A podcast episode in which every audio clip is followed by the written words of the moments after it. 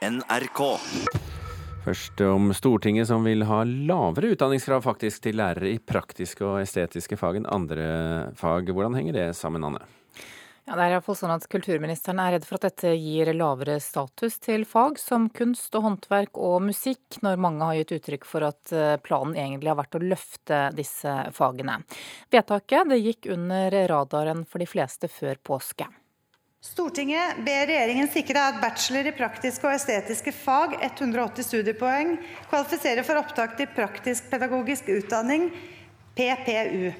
For innstillingen stemte 50 Mens resten av Norge var opptatt med å diskutere Listhaug-saken og EUs energisamarbeid før påske, så vedtok de rød-grønne partiene på Stortinget sammen med KrF nye retningslinjer for lærerutdanningen. Mens regjeringen vil at alle lærere skal ha mastergradsutdanning, så vil opposisjonen ha unntak for lærere i praktiske og estetiske fag. Studenter i bl.a. kunst og håndverk og musikk skal kunne bygge på med pedagogikk, såkalt PPU, allerede med en bachelorgrad. Vi tenker at det er å gå bakover og ikke framover. Eivind Moe er styreleder i organisasjonen Kunst og håndverk i skolen. Han har selv vært lærer i grunnskolen i en årrekke, og underviser nå lærerstudenter ved Universitetet i Tromsø. Det vi trenger er eh, like kompetente lærere i kunst- og håndverksfaget og i praktiske estetiske fag som i andre fag. Selvfølgelig er det sånn. Han minner om at fagene vi snakker om ikke bare skal gi kunnskap og interesse for kunst og kultur, men også bidra til at de med talent i håndverk velger yrkesfag. Musikernes Fellesorganisasjon applauderer vedtaket. I dag har bare rundt 40% av lærerne i praktiske og estetiske fag utdannelse i fagene de underviser i.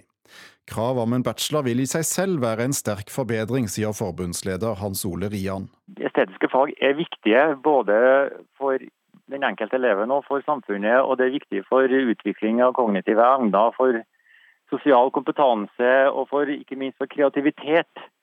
Og Vi eh, ser jo det spesielt de siste årene at næringslivet de etterlyser jo kreative elever kreative arbeidstakere. Og Det er jo noe som de praktiske og estetiske fagene virkelig jobber med. Under en demonstrasjon foran Stortinget før valget i fjor høst var det bred politisk enighet om at Det er så utrolig viktig at vi får styrka de praktiske og estetiske fagene. Drama er en veldig viktig del av måten å lære på. Derfor går De Grønne til valg på å styrke de praktiske og estetiske fagene. Vi skal sørge for at den reformen som kommer av norsk skole, blir den velfortjente renessansen for de praktiske og estetiske fagene som dere fortjener. Vi skal kjempe for en skole med mye større rom for kultur, for det kreative.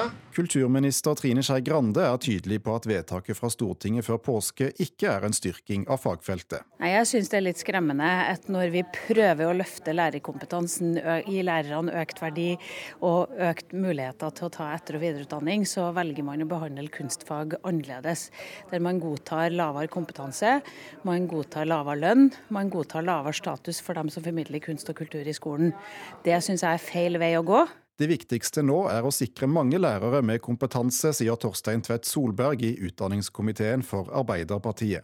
Det er to ting som er viktig for Arbeiderpartiet. Det ene er å møte den økende lærermangelen vi har, få flere kvalifiserte lærere inn i læreryrket. Og det andre er at en har sett at veldig mange som underviser i fagene praktisk-estetisk, altså sløyd, musikk, matfag, ikke har fagkompetanse i det eh, faget de underviser i. Vi vil heller ha flere eh, kvalifiserte lærere i de fagene. Det å kunne noe om kunst og kultur er en viktig del av dannelsen til et menneske. Kunne delta i samfunnet på lik linje med alle andre. Og da fortjener ungene våre de aller beste lærerne. Og da er det viktig at ikke kunst og kultur blir et type B-fag som man ikke har like god kompetanse i. Og regjeringen eh, jobber nå med en egen plan for hvordan praktiske og estetiske fag kan styrkes. Reporter her, det var Thomas Alvarstein Ove.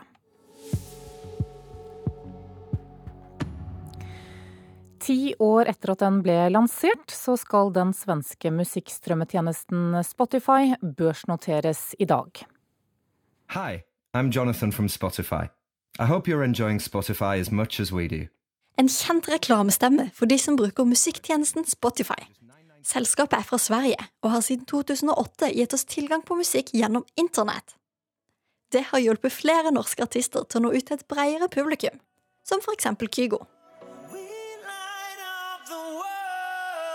I dag er det om lag 160 millioner mennesker som bruker Spotify, og over 70 millioner av disse har betalende abonnementer. Det gjør det til verdens største musikkstrømmetjeneste. Likevel har selskapet i flere år gått i underskudd, og varsler et tap også i år. Men først skal de direktenoteres på børsen i New York. Det skjer altså i dag. Reporter var Kristine Sterud. Førsteamanuensis Daniel Norgård ved Universitetet i Agder, god morgen. God morgen, god morgen. Du forsker på internasjonal musikkbransje og det norske strømmemarkedet. Hva betyr det at Spotify går på børs i dag? For det første så, så, betyr det jo at de endelig går på børs. Dette er jo noe som har blitt annonsert uh, ganske lenge fra, fra Spotify selv. Og, og, de har vel vært i prosesser hvor man har forventa at dette skulle skje. Så, så, sånn sett så er det jo en milepæl at, uh, at, de, at, de, endelig kommer seg på, på børs. Ja, for Det har jo gått rykter om denne børsnoteringen i flere år. Hvorfor har det tatt så lang tid? Jeg, jeg, tror det skyldes eh, Det kan skyldes mange ting. Jeg tror det kan godt skyldes at uh, de har, de har hatt dårlig inntjening. De har, de har, tapt penger. Men så tror jeg de har hatt en del, eh, en del trøbbel med, med, modellen sin, som f.eks. disse søksmålene i den siste tida har, har, vist. Sånn at det kan godt hende at de har måttet forsøke å, å løse de før de kan tørre å gå på børs. da. Så de har jo hatt noen svære søksmål fra bl.a. publishing, eh, forlagene. Eh, og det siste er vel nesten halvannen milliard dollar. Så, så, det er store, store summer det er snakk om. Mm. Hva, vil, hva, vil, denne børsnoteringen ha å si for brukerne av Spotify, da? I første rekke så tror jeg ikke det har så veldig mye å si. Eh, men det jeg tror på litt lengre sikt, så tror jeg, håper kanskje at eh, man vil se at eh, denne gratis, det gratistilbudet som Spotify har, som er en vesentlig del av, av brukermassen til Spotify, at den kanskje blir, blir pressa litt, sånn at man får flere over på en betalende tjeneste. Det er veldig mange som har forventa at en del av, av den, altså freemium, gratistjenesten, har vært en posisjonering til en framtidig børsnotering. Altså at man ønsker å ta med seg så mange brukere som overhodet mulig før denne børsnoteringa kommer.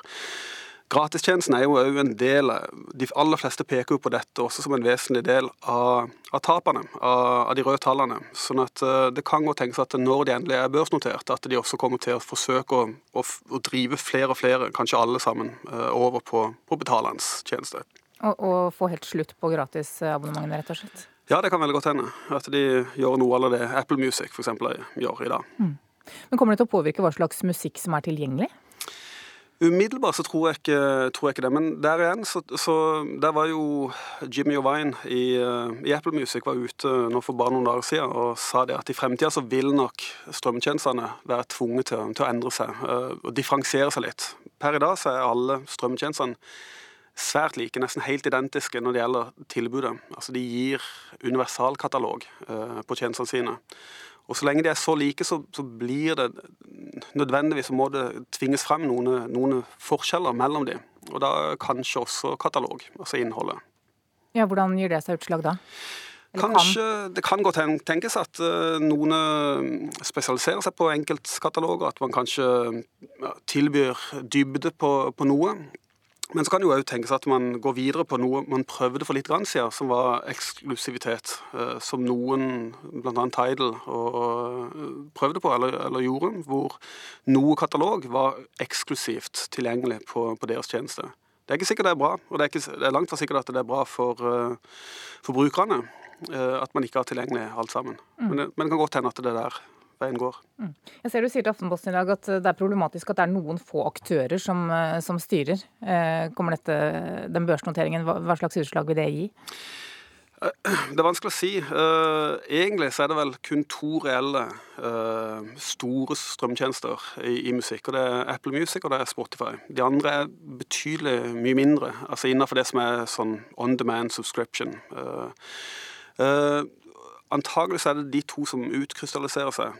Det jeg håper og kanskje tenker, det er jo at man om litt tid vil se et rom hvor enkelte mindre tjenester kan etablere seg med spesialiserte tjenester. Altså at man tilbyr en, en annen type, type produkter.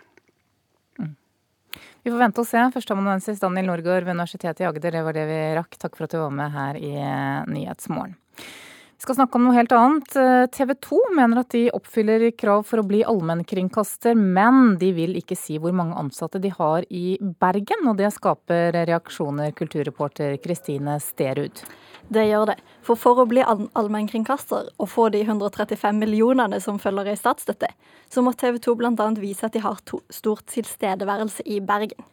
Og det er et halvt år siden de søkte om å bli allmennkringkaster, men de har ennå ikke fått noen avtale.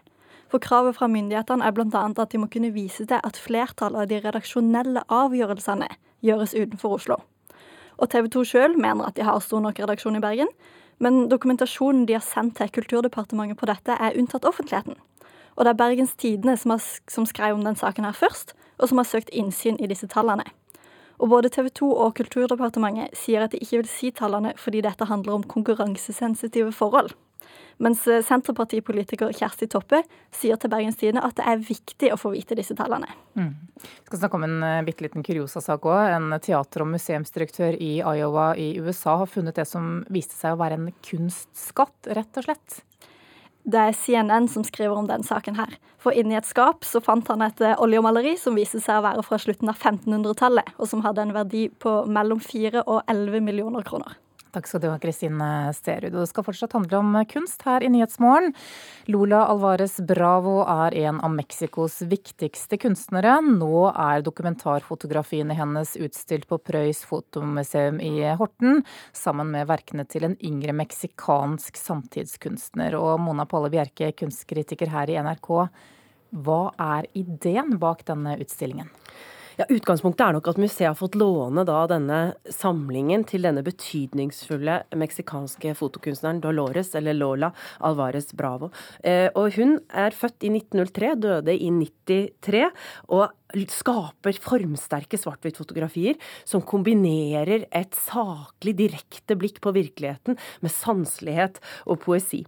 Og hun skildrer da gatelivet i eh, Mexico City med innlevelse og medynk, og hun skildrer en endret virkelighet etter etter revolusjonen i 1910, og en frihetslengsel, men også sorgen etter da den blodige borgerkrigen som raste etter eh, revolusjonen. I tillegg er hun veldig kjent for å portrettere kulturpersonligheter som Frida Kahlo, Cartier-Bresson og flere andre.